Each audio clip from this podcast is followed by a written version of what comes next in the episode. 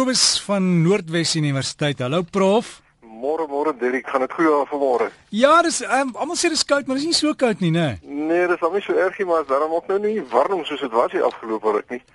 En dis 'n interessante dingetjie, dis sommer so eh, so skotige laagdrukkie wat hier oor die land is. Dit het niks met eintlik met 'n koue front te doen nie.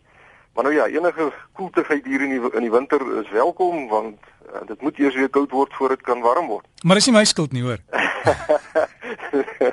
nee, Derek, ek sal vir die mense sê hoor dat jy onskuldig is. maar nou ja, omgewingsvriende, vanoggend wil ek begin met 'n brief. Ek wil so 'n paar briewe weer behandel. Ek het 'n briefie ontvang van meneer H.J.W.W. van Machado dorp.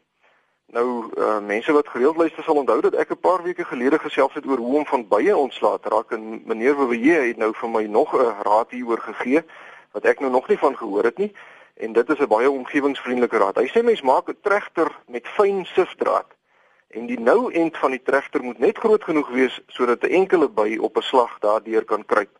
En dan maak jy die trechter onderste bo oor die byenes vas sodat die breë kant nou oor die nes pas en die klein kantjie wegwys van die nes af. En hy sê die bye kan op hierdie manier maklik uit die nes uitkom, maar hulle sukkel baie om weer terug te kruip deur die nou puntjie van die trechter. En dan sê hy mense sit 'n kas of 'n byekorf met 'n stukkie heuning net langs die trechter neer en kort voor lank sal al die bye saam met hulle koningin dan uit die nes uitkruip en hulle self gaan tuismaak in die nuwe kas daarna uh, by die by uh, by die stukkie heuning. En dan kan 'n mens die kas eenvoudig op 'n ander plek gaan neersit waar die bye dan nie meer lastig sal wees nie.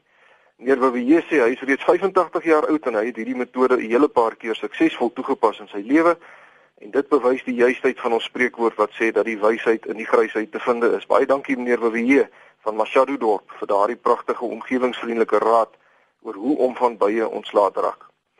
Die tweede brief vanoggend uh, kom van meneer Gustaf Weber van Vryheid.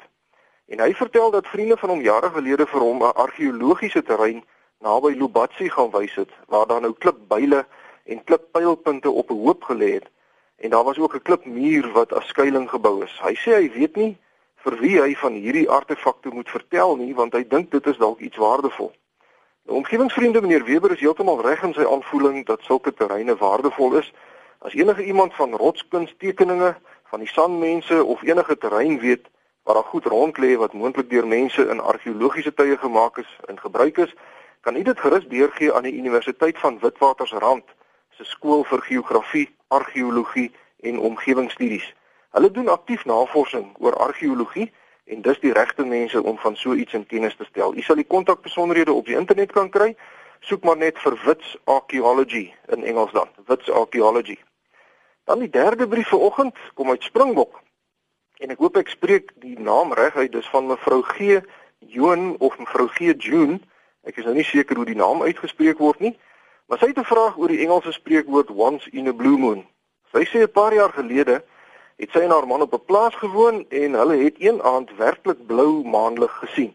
Sy sê die aarde was gebaai in 'n ligblou skynsel en net daarna het die mense oor die radio gesê dat so iets eintlik baie selde gebeur.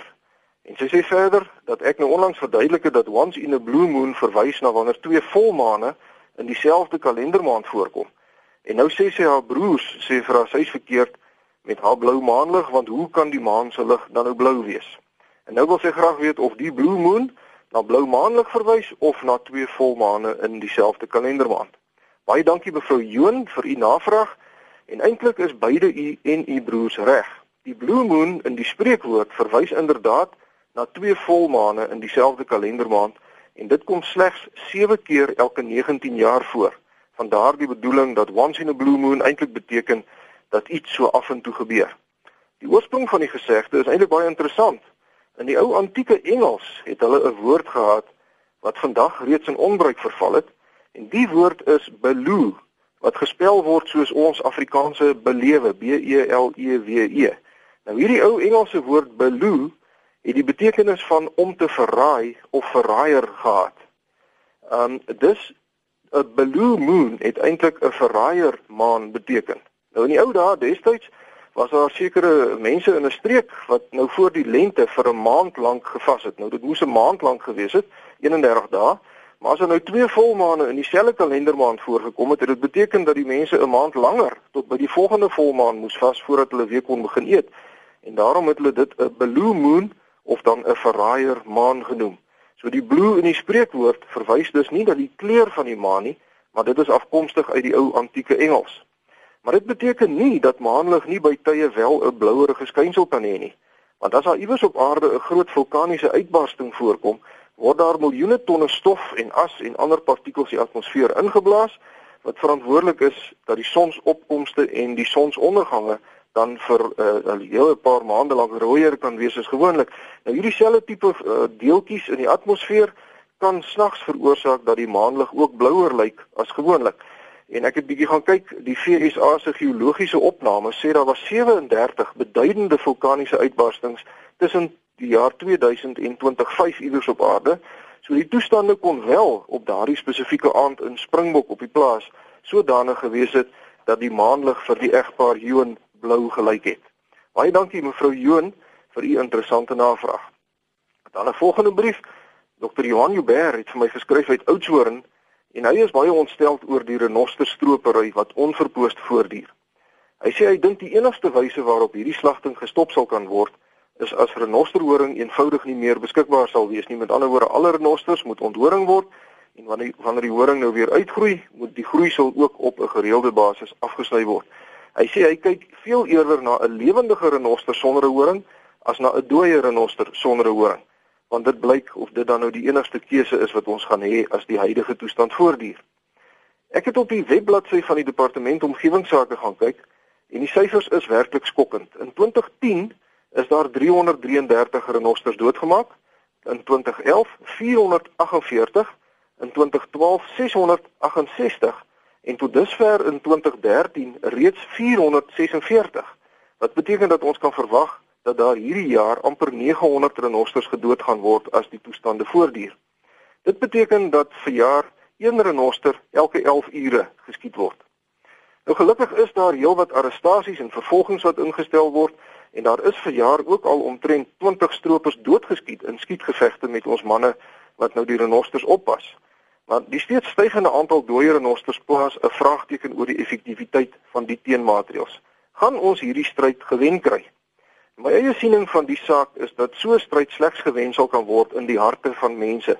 En ek dink dat ons regering 'n ooreenkoms met die regering van die lande waar die renosterhoring gesog is moet aangaan sodat grootskaalse advertensieveldtogte oor elke liewe radiostasie en elke TV-kanaal in daardie lande van stapel gestuur moet word wat die bevolking inlig oor die feite dat 'n renosterhoring van presies dieselfde materiaal gemaak is as 'n mens se naels.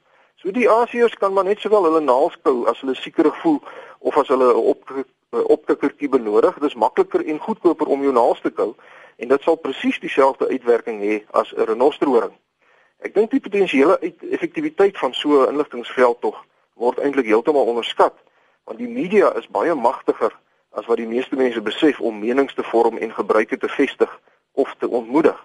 Ek is bevrees dat om die stroopers met geweld te probeer beveg net deel van die antwoord is. Want dit is gewoonlik arme mense wat baie min het om te verloor wat 'n kans vat om 'n fortuin te maak as hulle met 'n gestroopte renosterhoring by die huis aankom. As ons die vraag na renosterhoring kan verklein deur die verbruikers daarvan eintlik 'n bietjie belaglik te laat lyk met 'n paar slim advertensies, dan sal die prys ook verlaag en minder mense sal die waagstuk aangaan om 'n renoster te jag want die finansiële beloning gaan dit net nie meer die moeite werd maak nie. Ek sien daar's ook weer opnuut 'n uh, 'n poging van stapel gestuur om handel met renosterhoring te wettig. En ek dink dit is ook 'n uh, 'n geldige oplossing want dan kan boere begin boer met renosterhoring soos met enige ander produk en dit dan verkoop uh, op op die vrye mark. Intussen wil ek graag namens al ons omgewingsvriende vir die manne en vroue wat renosterstropery aktief beveg ons waardering en ons beste wense oordra vir die werk wat julle doen. Ons besef dis gevaarlike werk wat onder moeilike omstandighede gedoen word. So weet as weet asseblief dat ons julle ondersteun en dat ons dankbaar is vir wat julle doen om so 'n pragtige unieke dier vir ons nageslag te probeer bewaar. En Derek dan sluit ek volgende af met 'n briefie wat ek ontvang het van mevrou June Vlak van Thornton in Kaapstad. Haar brief het regtig my hart aangespreek. Sy sê sy is 'n kleerling dame van 63 jaar oud wat arm groot geword het maar in 'n liefdevolle huis waar almal met groot respek behandel is. Sy sê daarom waardeer en respekteer sy vandag ook vir Moeder Aarde. Sy het 'n ou klein tuintjie, maar haar tuintjie is 'n 'n kirstenbos in die kleine met 'n bietjie van alles. Sy sê sy het maar hier en daar gevra vir plantjies en soms uitgeruil met haar vriende sodat sy vandag rustig in haar pragtige klein inheemse tuintjie kan sit en luister na al die voëls en insekte se geluide. Sy sê sy bespaar water en elektrisiteit waar sy kan omdat sy respek het vir die omgewing en graag wil help om die natuur vir ons nageslag te bewaar. En dan maak sy haar eie motor skoon en doen self haar eie huiswerk sodat sy die geldjies wat sy daardeur bespaar kan gebruik om koekies en sop vir die bejaardes te gee wat swaar kry. En sy sluit haar brief af met 'n aanhaling van William Blake wat ek vrylik in Afrikaans vertaal het. En dit gaan so: Om die aarde in 'n sandkorrel te kan raak sien of die hemel in 'n wilde blom is om oneindigheid in jou handpalm te kan toevou of om die ewigheid in 'n enkele uur te kan beleef. Mevrou Vlak, u pragtige briefie het my laat besef dat baie mense en ek sluit myself daarbey in te gereeld met die witbrood onder die arm loop en kla en dat ons ons seëninge eintlik heeltemal te min tel om die eenvoudige dinge van die lewe soos 'n pragtige tuintjie en die gesang van voëls te kan geniet is voedsel vir die siel en ek dink u is 'n voorbeeld vir baie mense wat vergeet het wat regtig saak maak in die lewe. Baie dankie vir die brief mevrou June Vlak van Kaapstad. Omgewingsvriende, daarmee sluit ek af. As u vir my wil skryf, my rekenaaradres is kobus.vanderwalt@nwu.ac.za of u kan my kry by die fakulteit Natuurwetenskappe Noordwes Universiteit, Potchefstroom 2520. Mag dit met u goed gaan tot 'n volgende keer. Dankie Kobus van der Walt. Daai e-posadres is kobus.vanderwalt by nwu.ac.za.